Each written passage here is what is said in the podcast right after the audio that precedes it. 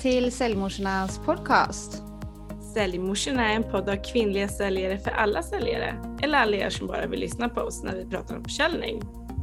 Och vi är sponsrade av Kontakta. Kontakta är en bransch och intresseorganisation för företag och organisationer som arbetar med seriös kundservice och försäljning på distans. Så tack till Kontakta. Och idag snackar vi säljaffärer och livet med en riktig säljräv. Hon började som företagsrådgivare inom bank och finans och idag driver hon eget eventbolag. Hör henne berätta om hur hon gjorde och fortfarande gör för att vara en högpresterande säljare, säljchef, egenföretagare och morsa. Varmt välkommen Hanna Kastraj! Tack! Härligt att ha dig här Hanna! Härligt att uh, vara här och så glad att jag fick uh, frågan. Du uttalade jag ditt efternamn rätt där? Ja men jättebra tycker jag, i alla fall så som jag själv uttalar det. Sen vet jag väl kanske egentligen inte om det är, uh, är korrekt, men, men det är så jag säger i alla fall.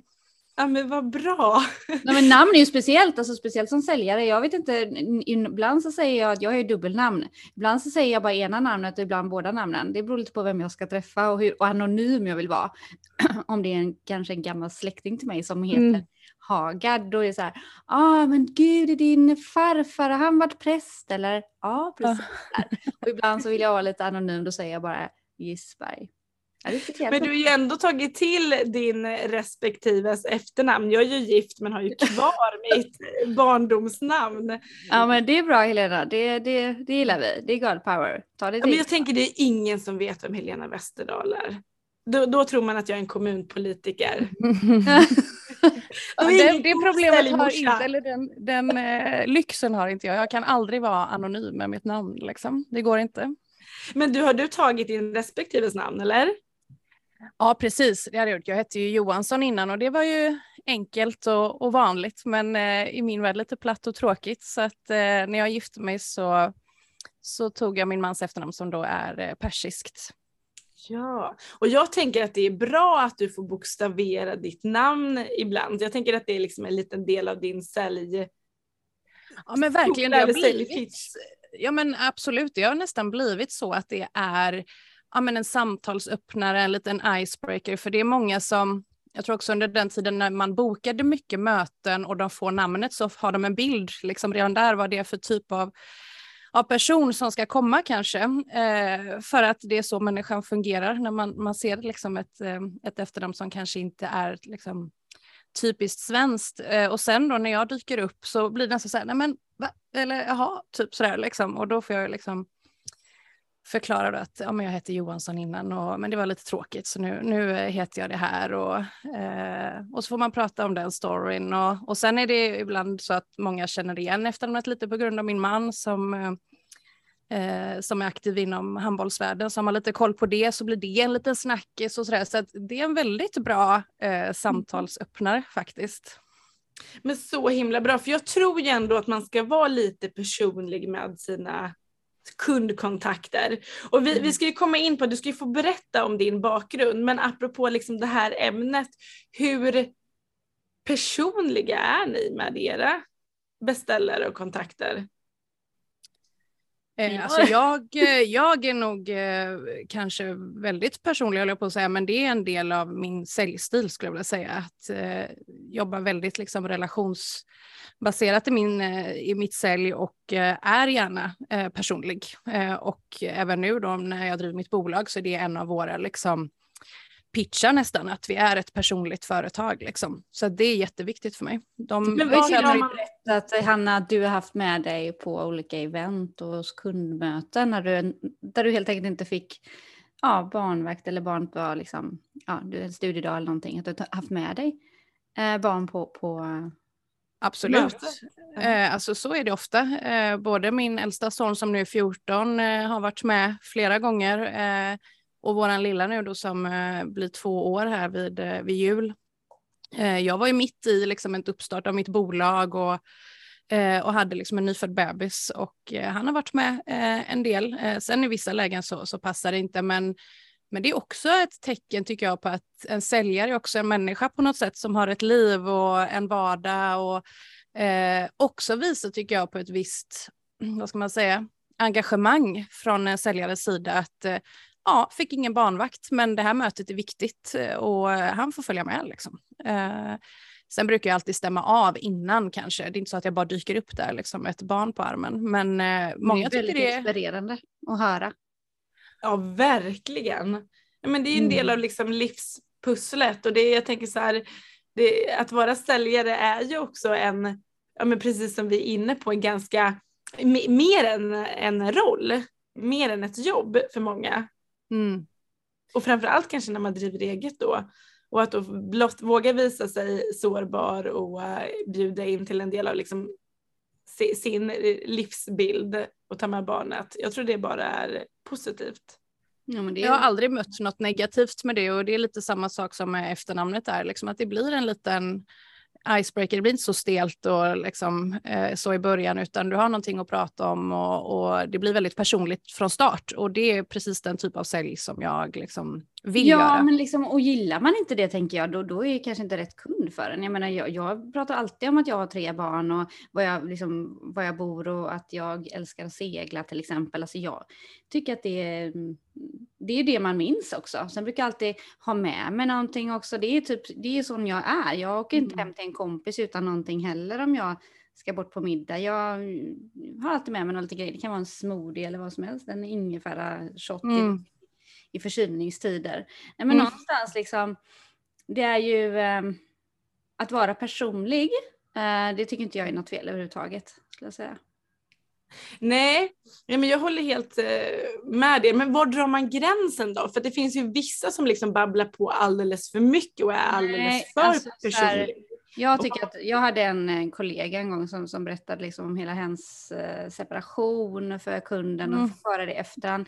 Jag tycker så här, nej, du, du, måste kunna känna av den och ta liksom, den gränsen någonstans. Um, men alltså, det finns ju en hårfin gräns och där ja. får man ha lite känsla tror jag. Liksom, när det blir... Sen ska inte mötet vara helt om det, utan mötet ska ju vara liksom, vad kunden har för utmaningar och hur man kan hjälpa mm. dem framåt. Så att jag tror att, men en kort i alla fall berätta vad, vad man har varit tidigare kanske intressant, eh, vad man har för mm. utbildning och bakgrund, varför man är på det här bolaget, alltså NSY och eh, privat lite att jag eh, har tre barn liksom, och en mm. man. Mm. Eh, typ, ganska intressant, skulle jag gärna höra om en annan kund också det är ju nya relationer vi bygger och är det några som jag har känt länge, alltså kunder som jag har byggt under flera år, då vet vi nog ganska mycket om varandra.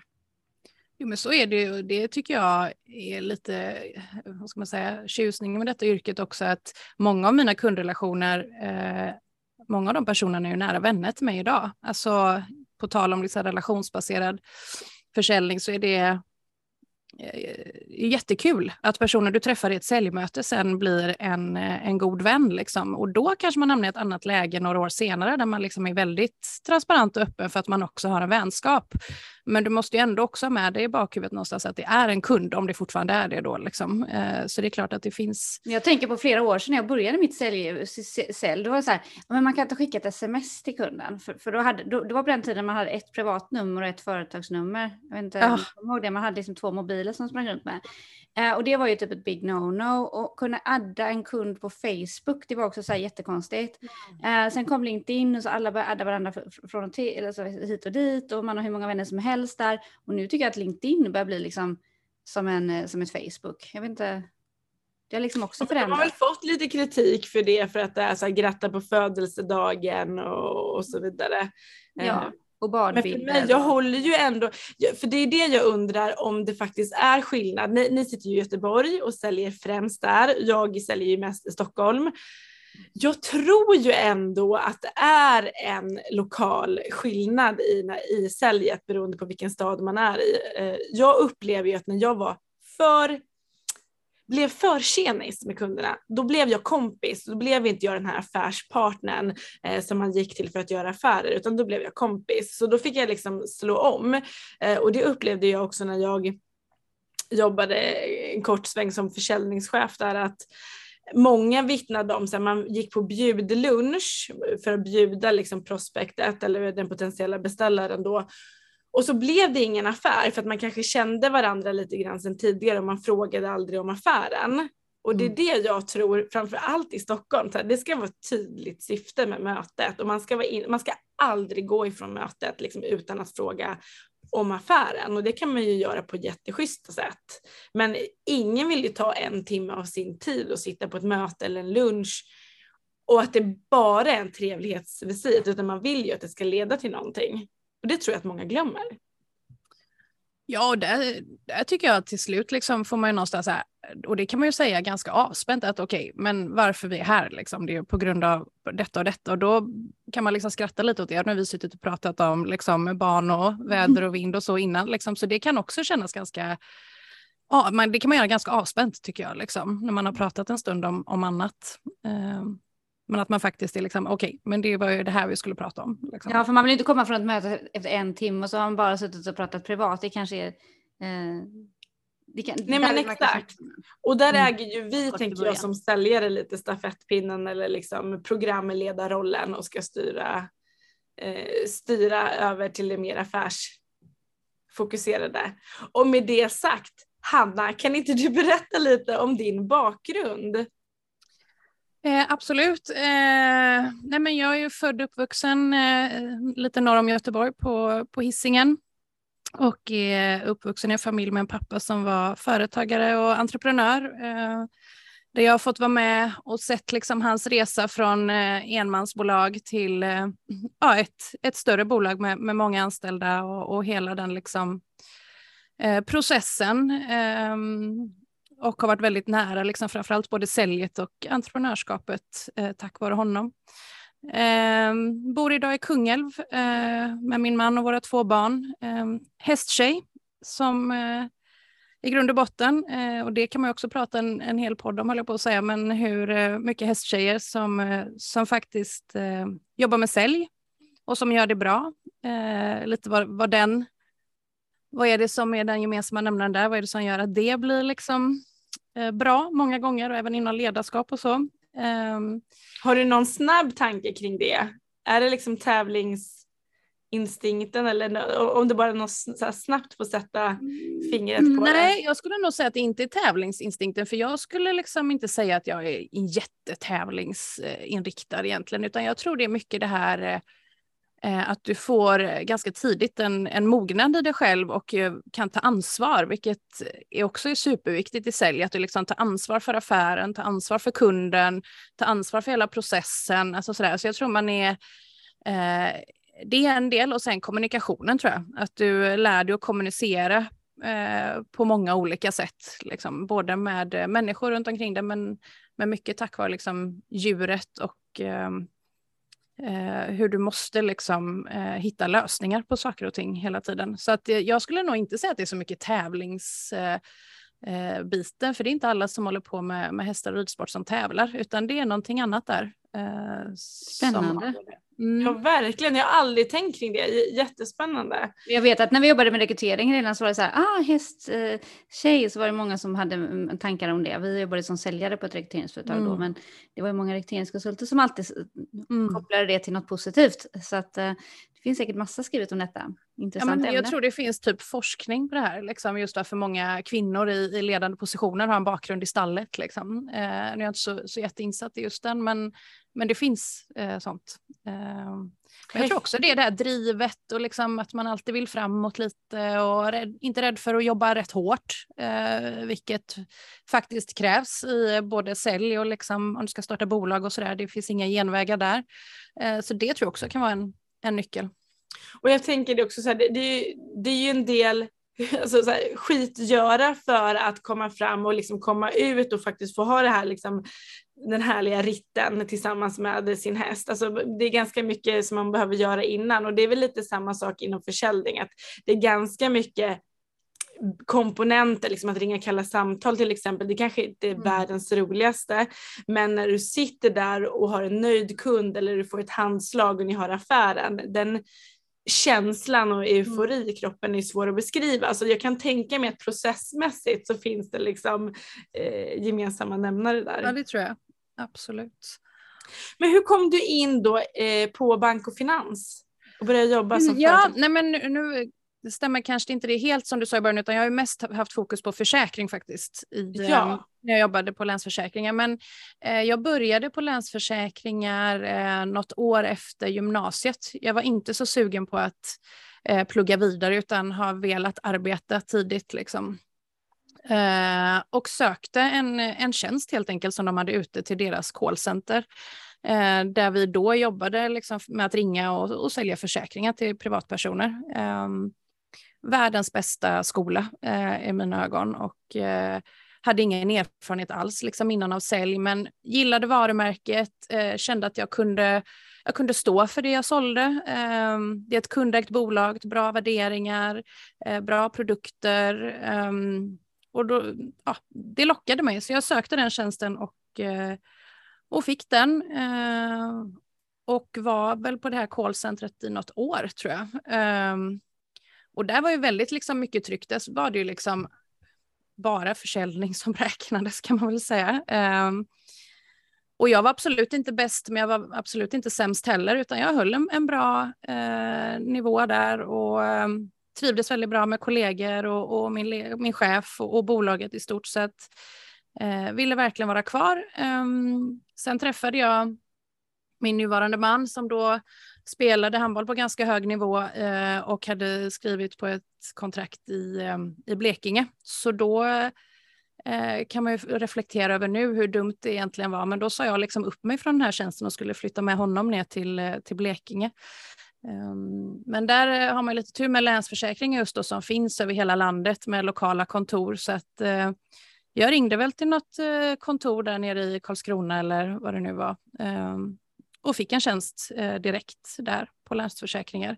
Och där började jag jobba även lite med, eh, med bank då, framförallt mot eh, privatpersoner, för då hade de en, en period när man skulle vara generalist som vi kallar det. Då skulle man jobba liksom både med försäkring och med bank.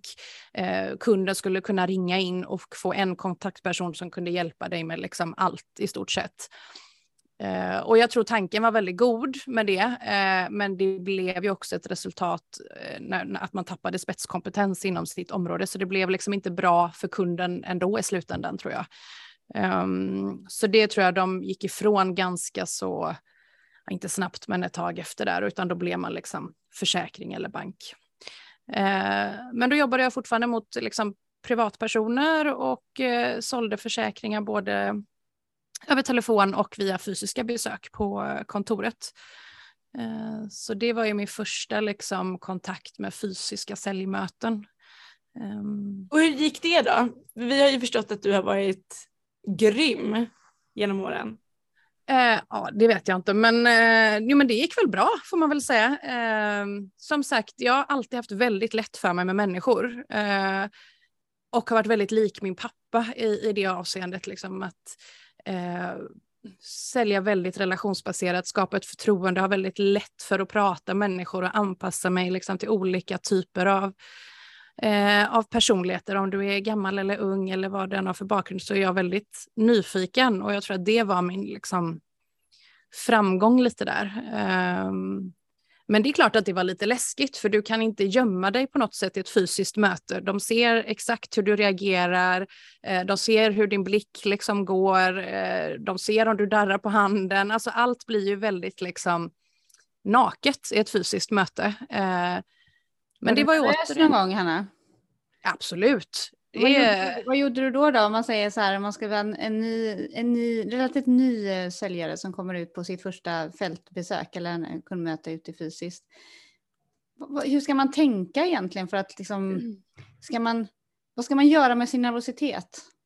Jag tror att man ska först och främst känna att det är okej okay att vara nervös. Liksom. Du måste inte låtsas kunna allt och eh, vara jätteerfaren. Det är okej okay att man är nervös och det är okej okay att säga att man är ny. Liksom. Det är, eh, en kund genomskådar dig direkt om du låtsas. Liksom. Eh, sen så är det klart att eh, att man är lite bra på teater när man är säljare liksom. och det övar man ju upp efter några år sådär. Men jag tror verkligen att man ska känna att så här, det är helt okej okay att jag är nervös uh, och det är verkligen helt okej okay att säga att du, jag kan inte detta, jag får kolla upp detta och återkomma, jag har inte jobbat med den här produkten eller detta så länge. Liksom. alltså, det är bättre att vara ärlig eh, alla gånger tycker jag. Ja, men jag håller med dig och sen tror jag en annan sak som du var inne på det här när du pratar om specialist och generalist. Jag mm. tror ju verkligen liksom att dagens säljare behöver gå mot att bli mer specialiserade. Eh, mm. För ska du liksom kunna Alltså jag tror, min känsla är att kunden ändå förväntar sig att kunna få vissa svar för kunderna kan googla sig till otroligt mycket idag eh, och det är mm. små skillnader mellan kollegor i branschen och då liksom, den stora skillnaden sitter ju många gånger hos säljaren och förmågan mm. att liksom kunna beskriva de här små förändringarna, det som faktiskt särskiljer dem mot andra. Mm. För det sitter ju oftast i mjuka värden. Ja men precis och jag tror att det var också en av mina liksom, tankar inför när jag sen gick över och började sälja mot företag på Länsförsäkringar. Där jag näs, liksom nästan blev varnad av, av eh, andra liksom, kollegor på bolaget eller till och med av rekryterande chef att så här, ja, men, det är lite tufft klimat liksom, så att du är medveten om det och är, är detta liksom, bara så att du vet vad du ger dig in på ungefär. Um, men då tänkte jag så här att jag ska kunna det här så otroligt bra så att de kan anmärka på liksom allt möjligt, men de kan inte anmärka liksom på min kompetens i detta. Eh, så då vet jag att jag satt ju liksom och pluggade liksom försäkringsvillkor och eh, googlade allt möjligt och, och, eh, det var så mycket saker som jag inte eh, kunde liksom. Men jag ville känna mig trygg när jag kom ut till kund att jag vet i alla fall det jag ska leverera, liksom, det jag säljer. Och där tror jag, precis som du är inne på, att det är viktigt att du inte är för bred, för då är det omöjligt liksom, att bli Eh, specialist på en del. Ja, jättespännande. Och, och vad hände sen då? För du var ju kvar på Länsförsäkringen ganska länge. Ja, jag var där i 11 år eh, och gjorde ju liksom hela den här resan från callcenter till att jobba med, mm, mot företagskunder och liksom större, mer komplexa försäkringar och trivdes otroligt bra där eh, och eh, har liksom en väldigt bra bild av det bolaget än idag. Um, hade väl egentligen inga planer på att, att lämna Länsförsäkringar. Så det är en trygg anställning, eh, du får liksom möjligheter, det finns olika områden att utveckla det inom. Så att jag hade egentligen inga planer alls på att, och lämna. Eh, men då var det en bekant till mig som hörde av sig och tjatade ett tag på att jag skulle börja på ett eh, företag som eh, heter Benify, som är inom eh, HR-tech-branschen. Eh, och det var samma sak där, alltså, jag var inte så sugen först, men han tjatade lite och jag tog någon intervju och sådär. Men det var, det var liksom lite samma sak där, att jag gillade produkten eh, och det har varit väldigt viktigt för mig i allt sälj att jag måste kunna stå för det jag pratar om här. Jag måste tycka själv att det här är jätte, jättebra. För annars blir du också genomskådad direkt. Sådär. Eh, så jag gillade både liksom produkten, eh, bolaget eh, och kände att nej, men fasen jag kanske ska, ska hoppa på detta. Och tackade ja till den och sa upp mig. Och det var ju många som blev väldigt förvånade då, framförallt bland mina dåvarande kollegor som, alltså vi hade ju ett väldigt bra jobb, det var fritt, det var eh, utvecklande, du hade en helt liksom, okej lön och sådär och helt plötsligt ska du kasta dig ut och göra något som du inte har en aning om. Liksom. Um, men jag var lite nyfiken också på IT, liksom lite techbranschen sådär, så att eh, jag började där, um, men kände väl ganska omgående att äh, det passar mig liksom inte. Jag, av många olika anledningar, jag kan egentligen inte sätta fingret riktigt på, på vad det var, men jag tror det var att jag gick ifrån att ha en ganska ja, senior försäljning, om du nu ska kalla det så, till att backa några steg. Liksom. Alltså det här med att sitta och ringa liksom, kalla samtal och, och boka. Alltså jag hade gjort hela den resan och kände mig ganska färdig med det om jag ska vara helt ärlig. Um, och hade väl en liten annan bild av hur den här rollen skulle vara. Jag såg inte heller riktigt liksom utvecklingsmöjligheterna. Då jobbade jag inom SME-segmentet, alltså små, små medelstora bolag och eh, ja, det var liksom inte, det fanns inte så många mer kliv att ta liksom. Så helt plötsligt så började jag väl känna så här att ah, fasen liksom, jag har måndagsångest eh, när jag ska till kontoret och det är Eh, men det är ingen härlig känsla. Eh, så jag bara bestämde mig. Jag vet jag satt så här Tingstadstunneln på väg in till Göteborg i köer och bara så här, nej jag hatar detta. Mm. jag vill inte åka in. Uh, och det hade ingenting med liksom kollegor eller bolaget säga. Det, var, det passade bara inte mig. Eh, så jag sa upp mig där eh, en måndag efter fyra månader, så det var ganska kort tid. Jag, jag, är, väl, jag är väldigt sån att känner jag att det inte är bra, eh, jag kanske ger det någon chans där, men jag tänker inte hålla på att övertyga mig själv liksom, eh, någon längre tid. Um... Jag måste bara tillägga där att vi fick ju ett tips på att ha mm. med mm. dig i podden Hanna. Och mm. det var ju av den här chefen som du sa upp dig till mm. efter fyra månader. Så, så att eh, mm. ett avtryck har du gjort verkligen på fyra månader trots att du eh, då inte trivdes, vilket är ju fantastiskt. Ja, ja, ja, nej det är verkligen inga liksom det var inget eh, något större som hände utan jag tror att jag ändå gjorde ett bra jobb. Liksom. Det var bara på grund av mig själv. Annars är det ju så här många så här frågor vi, vi, vi, när vi pratar rekrytering och så där ibland. Har man varit, aha, varför har hon eller han varit så kort på ett bolag? Alltså att, mm. att man nästan ifrågasätter det. Eller mm. Um, jättekonstigt, för det kan ju vara bara att man själv inte känner att själva rollen passade en eller att man kände att man kom inte mm. till sin rätt. Det ja. behöver inte vara liksom någonting som har hänt egentligen. Men jag hör det allt jämt att det är eh, rekryteringsföretag, ah, varför har de varit där så kort tid eller så. Um, Men jag håller med dig och jag tror verkligen på det Hanna säger, att man ska verkligen känna för sin produkt som man säljer, mm. för annars kan man ju liksom inte sätta sitt namn på en affär. Så mm. jag, jag, tror att du är helt rätt ute där. Men för sen då efter Benify, då hamnade du ju fortsatt inom, då gick du över till lite mer IT Ja precis, då, då var jag liksom lite inne i IT sådär, och, och kollade runt lite vilka bolag liksom kan jag, för där stod jag utan jobb och eh, en familj och eh, fyra hästar och ett eh, hus och sådär så att det var ju liksom inte optimalt att inte ha en, eh, en inkomst liksom. Eh, så jag fick ju lite, lite panik sådär men kände att nu måste jag bara eh, hitta ett jobb någonstans liksom. Men det, det var ju aldrig så att jag bara så här, nu tar jag vad som helst utan jag vill ändå liksom söka mig till något där jag trodde att jag kan eh, passa in. Eh, så då fick jag en, en tjänst eh, på Hoge eh, som är eh, ett bolag som säljer eh, it-lösningar inom ja, lön, HR, ekonomi helt enkelt. och fick då en roll som, som säljare mot större bolag, alltså bemanningsföretag, banker, finansbolag med många, många anställda. Liksom. och kom ju tillbaka lite mer till då mer komplex försäljning, ännu mer egentligen än på Länsförsäkringar. Långa säljprocesser, eh, mycket kring avtal och en produkt också som jag fick lära mig helt från scratch. Kunde ju ingenting om det här innan. Liksom. Hur var det då att gå från att ganska snabba sälj eh, till betydligt längre processer? Alltså jag trivdes ganska bra med det ska jag säga. Eh, jag gillar ju liksom lite problemlösning och liksom mycket eh, förhandling, mycket avtal. Jag tycker det är, det är svårt men kul. Liksom. Eh, så jag trivdes väldigt bra. Eh, och jobbade, reste ju väldigt mycket, var väldigt mycket i Stockholm där många av liksom våra eh, huvudkontor på de här större bolagen finns. Eh, och ja, men hade en väldigt liksom, bra chef, fantastisk chef där.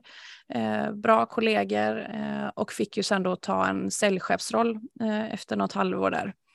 Ehm, och fick ju ännu mer lite ansvar, lite personalansvar och kring budget och sådär. Så det var väldigt eh, lärorikt och otroligt utvecklande. Eh. Och sen väljer du ändå att ta steget och starta eget. Mm. Vad fick dig att göra det? Åh, oh, gud. Eh, jag tror alltid det har legat och pyrt lite grann i mitt bakhuvud sådär, att jag vill göra någonting eget.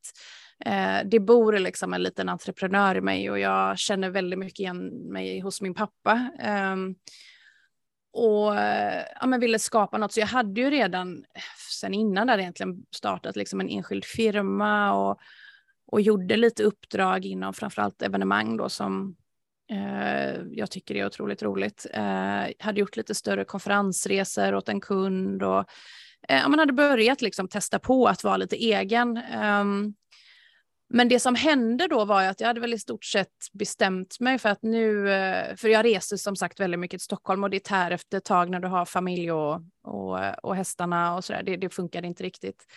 Um, och kände att här, jag måste nog göra någonting annat och var väl väldigt på väg att nu, nu drar vi igång här liksom.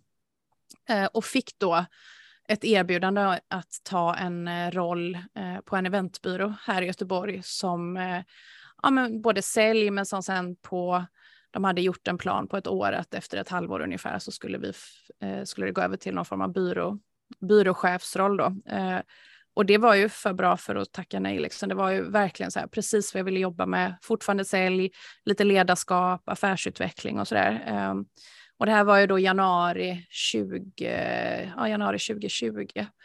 Uh, och då sa jag upp mig och började där. Och sen vet vi alla vad som hände där på vårkanten 2020. Då kom det ett litet, ett litet virus. Uh, och då var det inte optimalt att jobba, vara anställd inom evenemangsbranschen kan man väl säga. Mm. Mm. Eh, så då, eh, där var jag väl också typ bara fyra månader eh, och det är ju liksom, ja, shit happens, eh, så blev det. Men då var det ju precis, då var jag ju tvungen att liksom så här, vad gör, då fick jag ju sätta mig och verkligen reflektera så här, vad ska jag göra? Ska jag ta ett nytt, en ny anställning eller ska jag våga satsa nu på att starta någonting eget?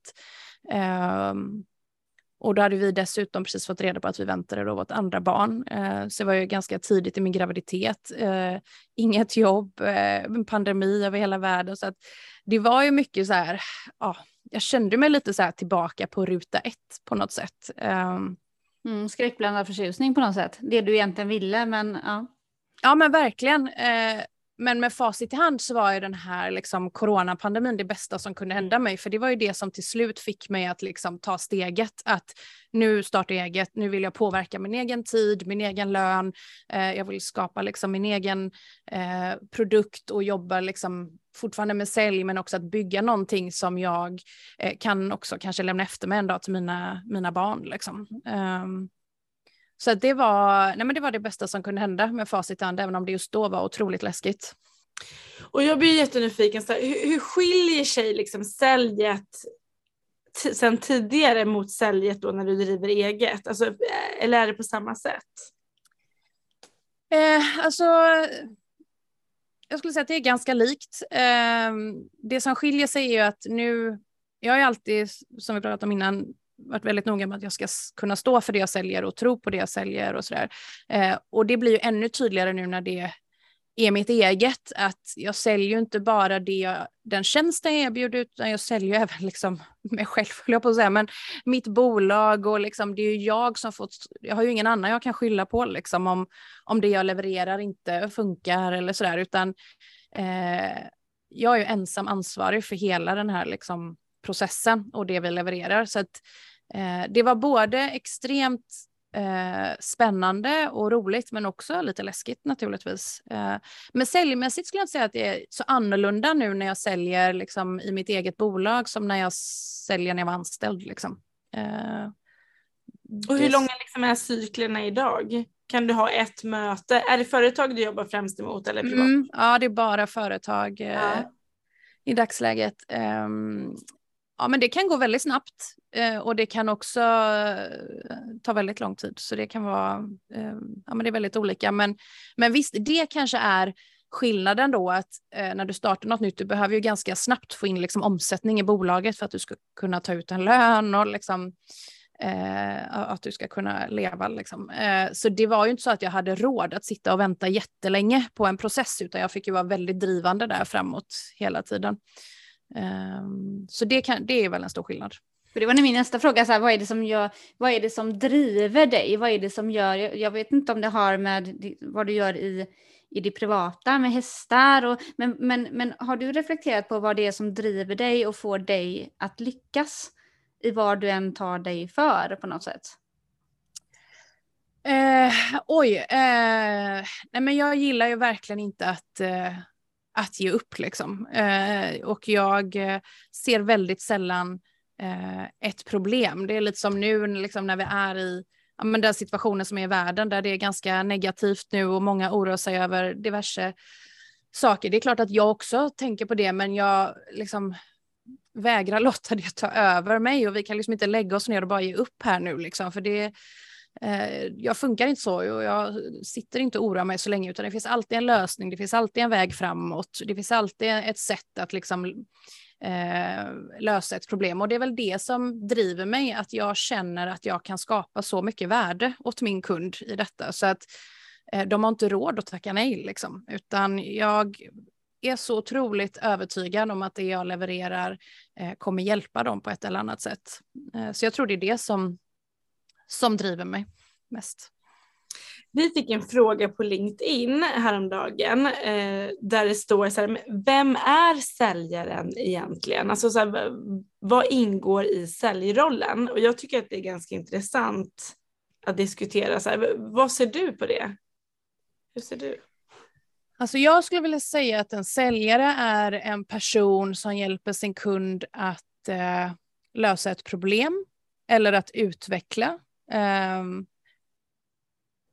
säljet eh, för mig har ju alltid varit att jag känner att jag gör nästan kunden en tjänst. Liksom. Uh, och det tror jag är väldigt viktigt att ha med sig och det är därför det också är så viktigt att kunna stå för det du säljer, för du ska känna att du hjälper kunden med någonting. Eh, och att det underlättar deras vardag, det förbättrar deras affär. Eh, så att jag tror att säljaren är mycket av en, liksom, vad ska man säga, affärsutvecklare också. Uh, det är svårt för mig att sälja något som de egentligen inte behöver, så kan man väl säga. Nu tycker jag du är inne på någonting väldigt spännande. För det, då tänker jag på, jag får ju erkänna så här, jag kollar ju på The Bachelor. Mm. Eh, när man inte orkar se liksom, nyheter och allt jobbigt som händer i världen så kan man se, se på det och eh, eh, ja, men bli, bli, lite upplyft. Men då så säger en av de här eh, Bachelor-killarna att han aldrig skulle kunna dejta en säljare för att mm. han la så pass mycket då negativa egenskaper och uh, associationer med en säljroll. Jag blev jätteprovocerad. Mm. Uh, just apropå det här med att säljare liksom hjälper till och att det handlar om att leverera bra lösningar. Mm. Så vad, vad, vad tänker ni kring det? Snacka om att vi behöver förändra synen på, eh, på säljare. Vi är på god väg tänker jag Helena också. Mm. Men, men, men eh, ja, jag, jag blir också provocerad. Jag tänker så här, hur kan man bli, hur kan man tänka så? Det är en person som vill hjälpa någon att lyckas med något. Mm. Så som du är inne på Hanna också. Jo, att mm. alla jobbar ju med försäljning till, till viss del. Och precis som du och jag, Johanna, alltid brukar säga så här, att 100% av ett bolags eh, intäkter eller omsättning består, kommer ju från försäljning. Så att oavsett om man har renodlade säljare eller inte så behöver man ju ha säljande personer på bolaget. Jag tänker att det inte är så långt heller från att skaffa nya kompisar, säljyrket. Alltså, man sitter och lyssnar, man bjuder på kunskap, man bjuder på det som inte är så bra alltid. Eh, man vågar visa misslyckanden eller så. Eh, mm. på det sättet får man ju också nya vänner. Eh, så, så upplever jag i alla fall. Och är man stängd och inte frågar så mycket utan bara pratar själv, ja då kanske det inte går lika bra att få nya vänner. Eh, så att jag tror att den här relationen man har med både kunder och privata kontakter, det är inte jättestor skillnad. Eh, så. Men det här tycker jag är intressant för vi pratade om det Johanna, du och jag slutar aldrig att sälja och med det så menar vi liksom inte att vi går runt och alltså på något vis kränger hela dagen utan vi, vi vill ju leverera lösningar oavsett om vi pratar liksom med eh, skola och lärare eller om vi pratar om en leverantör där vi är kund så vill vi på något sätt liksom så göra ett avtryck och komma fram till bästa möjliga lösning tillsammans. Mm. Känner du igen dig där Hanna? Liksom är du, säljer du hela tiden? Eh, ja, på ett sätt så gör man det för att det är så nära ens person, men jag kanske inte Alltså jag säljer ju när jag ska förklara något för, för mina barn. Mm. Eh, jag säljer något när jag ska eh, kommunicera med min häst. Eh, jag säljer någonting när jag ska diskutera eh, någonting med min man om vi ska välja eh, den eller den färgen på väggen. Liksom. Eh, alltså allt är ju sälj i dess olika former kan man väl säga. Eh, sen är det klart att säljet liksom, i mitt yrke är kanske en annan typ, men alltså alla som pratar negativt om om säljare, så som han hade sagt i Bachelor, så att eh, jag skulle aldrig dejta en säljare, men då hade man ju så här, men vad är, vad är det du gör när du är på dejt där i Bachelor? Alltså, du sitter ju inte och inte säljer dig själv, liksom. Alltså, det är ju någonstans det man gör. Eh, och även om du kanske inte vill kalla det sälj, men du, du sitter ju där och försöker liksom någonstans, eh, om du nu liksom känner att det är det du vill, men liksom att visa den bästa versionen av dig själv. Och det är ju sälj. Eh, Och hur gör man då liksom när man tappar? Alltså det, där med färgen tycker jag är intressant när man diskuterar med sin partner om någonting som man tycker man är, man är 100 procent eh, mm. för, för, för, för, sin färg då man vill ha då. Och så tänker man så, så går han inte på det. Han, han liksom nej, nej. Och då kan man, kan man likna i att eh, en kund inte vill ha någonting. Mm. Eh, så här, och så tappar jag motivationen för jag tycker så här, jag, det här är ju det bästa, den här är den bästa lösningen. Hur kan ni inte förstå det? Det säger man mm. inte till kunden, men man har ju den känslan med sig. Mm. Hur, för vi får väldigt mycket frågor om det. Hur, hur gör man när man tappar motivation och eh, som säljare? Vad, hur ska man tänka då rent konkret? Vad gör du Hanna när du, när du känner så här, nej det här kommer inte gå vägen eller? Eh, nej men alltså jag, eh, eh men om vi ska ta det här, liksom, om vi ska gå till privatlivet lite först, det här med liksom färgen på väggen. Jag är ganska duktig på att antisälja också. Eh, det är en taktik jag brukar använda ibland. Berätta, vad är eh, det? Eh, och liksom så här, nej, nej, men välj du din färg, det blir säkert jättebra. Liksom. Tar du den eh, och då skapar det nästan en osäkerhet. Ah, fast alltså, är den, alltså så, äh, då är jag ju hemma sen. Äh, men bra, då tar vi den, den bärs här då liksom.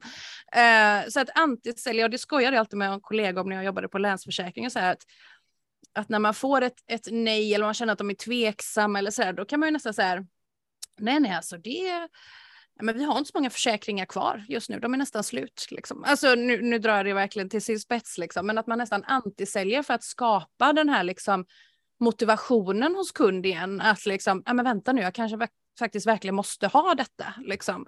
Och jag, jag älskar det här Hanna, jag älskar det här. Lite som vi Helena när vi tänker så här, nej men nu finns det faktiskt inte så många kvar konsulter. Eh, nej. För de börjar bli fullbokade nu kära kund. Ja.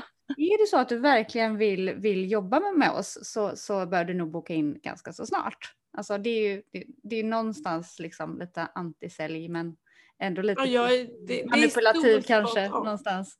Mm. Jag skulle kunna bli ännu bättre på det för när man de gånger man får ett nej, eh, då brukar jag ju alltid säga så här, men jag önskar dig stort lycka till och mm. eh, jag finns här när, mm. när, när, ni behöver byta samarbetspartner så finns jag här. Mm. Och jag kan ju säga, liksom, jag kan ju säga att de har i princip alltid kommit i efterhand. Bara man följer upp och här, hur har det här samarbetet gått? Exakt. Ja, riktigt som, som de trodde. Nej, nej men du, du, då tar vi väl och startar upp det här samarbetet då. Eh, men jag, jag ska verkligen testa och bli lite mer antisälj. Jag tyckte det var jätteroligt. Så bra Men jag, man ska vara lite modig där tror jag. Man ska låta, alltså du måste våga släppa en affär också. För förr eller senare så kommer den tillbaka om du har gjort ett bra jobb och ett bra intryck. Låt kunden fundera, låt kunden välja någonting annat. Alltså om du är trygg i din produkt och vet att du kan leverera bra och, och du också vet att det andra alternativet kanske inte blir så bra, låt dem testa det då. Alltså det, du kan aldrig tjata dig till en affär, eller kan, kan du väl kanske, men det är inte den typen av sälj som jag vill göra i alla fall. Eh, och du ska inte övertyga en kund genom att, liksom, att de ska känna sig pressade till det. Eh, utan låt dem fundera då. Låt dem landa, låt dem välja någonting annat. Förr eller senare om du har gjort ett bra jobb så kommer det tillbaka till dig. Liksom. Så att... jag, tycker, jag, jag, tror verkligen på det här och jag tror att man skulle också liksom kunna dra det här antisälj ännu längre och verkligen så här, om de säger att nej men vi har valt en annan samarbetspartner eller vi, vi väljer att pausa det här, att man säger det så, men vet du, det kanske till och med är bra att du gör det här och nu för att Precis. jag är väldigt mån om att leverera kvalitet och just ja. Har vi så pass mycket att göra att vi kanske skulle ha svårt att göra det. Så att vi skulle, vi skulle nog ha behövt ha en uppstart med samarbetet om en månad. Alltså, då skapar man ju det här, man vill ju alltid Precis. samarbeta med de som är busy och har mycket att göra. Och samtidigt inger man väldigt mycket förtroende också för att man är mån om kvalitet. Så att jag gillar ju det här att antisälja och få in liksom usparna lite i det. Mm. Ja, för hur du tar ett nej är lika mycket sälj som du liksom har gjort i processen fram till ett nej, för det kan absolut göra att du, du får affären i alla fall. Liksom. Så att jag tror att hur du tar ett nej och hur du hanterar det och även efteråt är eh, superviktigt. Ja, jag håller helt med. Vad kul att vi börjar prata om det här. Mm. Jag blir också så himla nyfiken när jag sitter här Hanna och, och, och hur, hur du jag blir nyfiken med dig också Helena som har en liten och jag blir helt imponerad när jag hör att du har kundmöten under din föräldraledighet. Eh, Helena och Hanna som har med sig barn på kundmöten. Jag blir så här, fan jag har missat något liksom. Jag borde kanske jobbat på det lite mer för det är ju, tycker jag är otroligt inspirerande. Men du, hur får ni ihop livspusslet då? När man, när man är säljare och våra ibland får vi ju de frågorna också Helena på vårt Instagram. Absolut. Hur får ni ihop det? Hur klarar ni att jobba 100 procent och driva en podcast vid sidan och ett nätverk och allting? Hur, hur får ni mm. ihop livspusslet? Hur får du ihop det, Hanna? Eh, jag tror att jag är väldigt duktig på att strukturera upp min dag. Eh, jag är extremt effektiv och, eh, och det går ganska fort liksom när jag väl kommer igång. Men sen ska man också vara väldigt Alltså ibland går det inte ihop och det ska man vara ärlig med och säga att ibland blir det liksom pannkaka och du känner att du är inte bra mamma, du är inte bra partner, du är inte bra på jobbet eh, och det är okej okay, liksom. Men för oss har det väl varit väldigt avgörande att vi har ett eh, bra team, om vi nu vill kalla det så, runt oss. Vi har fantastiska föräldrar som ställer upp. Eh, och vi är, är, duktiga på att liksom själva så här, eh, fördela tiden emellan oss. Att för min man är lika upptagen som, som jag. Liksom. Eh, att ingen känner att den andra får liksom, mindre tid utan det, vi har ett bra liksom, eh, givande och tagande där. Men, men jag tror att man ska eh, vara duktig på att liksom, strukturera upp sin dag eh, och vara effektiv. Liksom. Man hittar lösningar. Eh, men finns, sen... det, finns det då några tidstjuvar? Som, som jag tänker så här, det där gör jag inte, det där är big no-no. Det, det, så gör man inte jag för att vara så effektiv som möjligt. Men för mig var det en väldigt stor skillnad från när jag liksom anställde min första person nu i bolaget. För att eh, det märkte jag ju ganska snabbt sådär att jag ska lägga fokus på sälj och att driva liksom affären framåt. Jag ska inte lägga fokus på att vara liksom, handla på ekonomi, handla på HR, handla på projektledning. Alltså sådär. Ja, vi måste eh, jag måste våga ta hjälp liksom, eh, av någon annan och våga ta det klivet. Och det har ju varit avgörande för att jag ska hinna med och för att det här liksom, bolaget ska utvecklas i den takt det gör. Ehm, även om det är väldigt läskigt att liksom, ta in en, en person till och, och, bära den kostnaden i ett, ett ganska nystartat bolag. Men, eh, men det har ju bara liksom, gjort att eh, affärerna växer. Jag tror man inte ska vara rädd för att liksom be om hjälp och känna att man är inte liksom eh, superwoman som klarar allt. Alltså det, det är man inte liksom. Eh, så att jag tror att eh, våga ta lite hjälp. Mm, jättebra.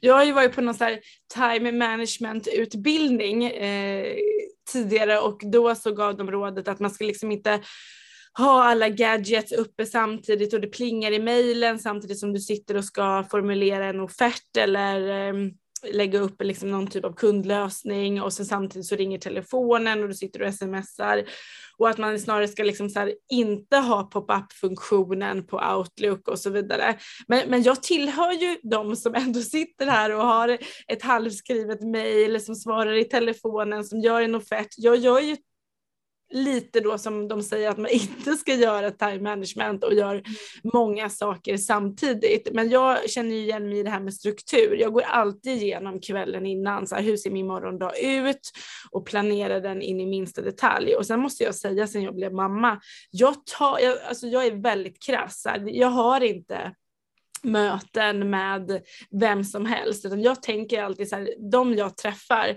där ska det vara ett tydligt syfte och jag ska veta så här, jag går inte därifrån förrän jag har fått ett ja på affären eller förrän vi har ett nästa steg inplanerat. Så det är väldigt tydligt för mig eh, en dag. Jag, jag gör avkall tyvärr på de här trevlighetssakerna många gånger. Eh, ja. Men, jag, är sån, jag, tänker, Helena, jag tänker också på hur man är när man har för lite att göra. Ibland så har jag för lite att göra. Alltså jag blir så ineffektiv. Mm. Eh, eh, har jag mycket att göra då blir jag ju sjukt effektiv. Jag säljer som aldrig förr. Exakt så tänk, känner jag också. Jag brukar också säga att jag älskar stress liksom. Och det är så många som vill säga emot mig på det. Ja, liksom. Det är inte hälsosamt liksom. Du måste tänka det för älskar när det är mycket att göra. Alltså jag lever ut när det är så stressigt. Liksom. Det är bäst jag, jag, tänker vet. det händer hela tiden saker och så är det någonting när man har som mest att göra. Är det inte då också så här föräldrar, det, lärarna ringer hemma också och säger att det är något problem i skolan alltid också. Så att det är också så här, eh, och så, då, då är det egentligen lite negativ energi va? Men, men samtidigt så så här, för det är alltid, allting händer alltid samtidigt. Det är ungefär som att schampot och hudkrämen och allting går, går slut samtidigt. Det, det är samma sak där. Men då tänker jag på de som inte har så mycket att göra. Kan man liksom hjärnan fejka så att känslan är att man är väldigt busy? För man vill ju helst göra affärer med busy persons. Så kan man fejka det då? Så att så här, man skapar en känsla i kroppen att jag själv känner att jag har mycket att göra och då signalerar jag det ut till kunden. Man får bygga upp sin privata eh, kalender och ha massa middagar och roliga aktiviteter så, så kanske det känns som att man får den här positiva stressen. Nej men stress är ju som du säger Hanna, det är ju något positivt. Ja. Finns det ju negativ stress Så länge också. du kan hantera den. Liksom. Ja. Men, mm. Det är väl Ja, men känslan av när man tappar kontrollen, det är ju den stressen som inte är bra. Men, men en fullbokad kalender där man går från möte till möte, nej men jag, jag gillar ju det. Jag håller helt med. Kunderna känner ju av det. Alltså kunderna Mm. känner, ibland kan ju jag nästan säga ja, jätte, jag vill jättegärna samarbeta med er men alltså vi, just nu liksom, det finns inte utrymme för det. Men jag, jag har ju ändå valt att ha det här mötet med för att vi bokade in det för länge sedan och så vidare. Men alltså, det är återigen, det finns ju lite antisälj i det. Mm. Men, men jag tror att det har väldigt positiva effekter. Ja, men precis, och det, eh, jag tror också att man behöver vara trygg, för det, det får jag också höra så mycket, men akta dig nu liksom, så det inte blir för mycket. Och framförallt om mina, mina föräldrar, de är alltid oroliga. Liksom. Nu jobbar du så mycket och, och nu, nu får du vara försiktig. De menar ju väl och jag förstår, jag hade nog sagt likadant till mina barn. Liksom. Men jag tror också att man ska vara medveten om att det många säger så här, jobba inte mer, jobba smartare. Liksom. Absolut, jag köper det, men det finns inga genvägar till att liksom nå framgång, vare sig som säljare, som anställd eller som i mitt fall nu när jag liksom har startat upp en egen verksamhet. Att det kommer att kräva tid av mig, jag kommer få offra saker, ehm, det kommer vara stressigt, jag kommer inte sova må- åtta, nio timmar varje natt. Alltså det händer ju liksom inte och så får det vara några år. Liksom. Ehm, men man gör ju det för någonting eh, som i slutändan kan liksom gynna mig och eh, gynna mina barn och, och, och vårt liksom liv sådär.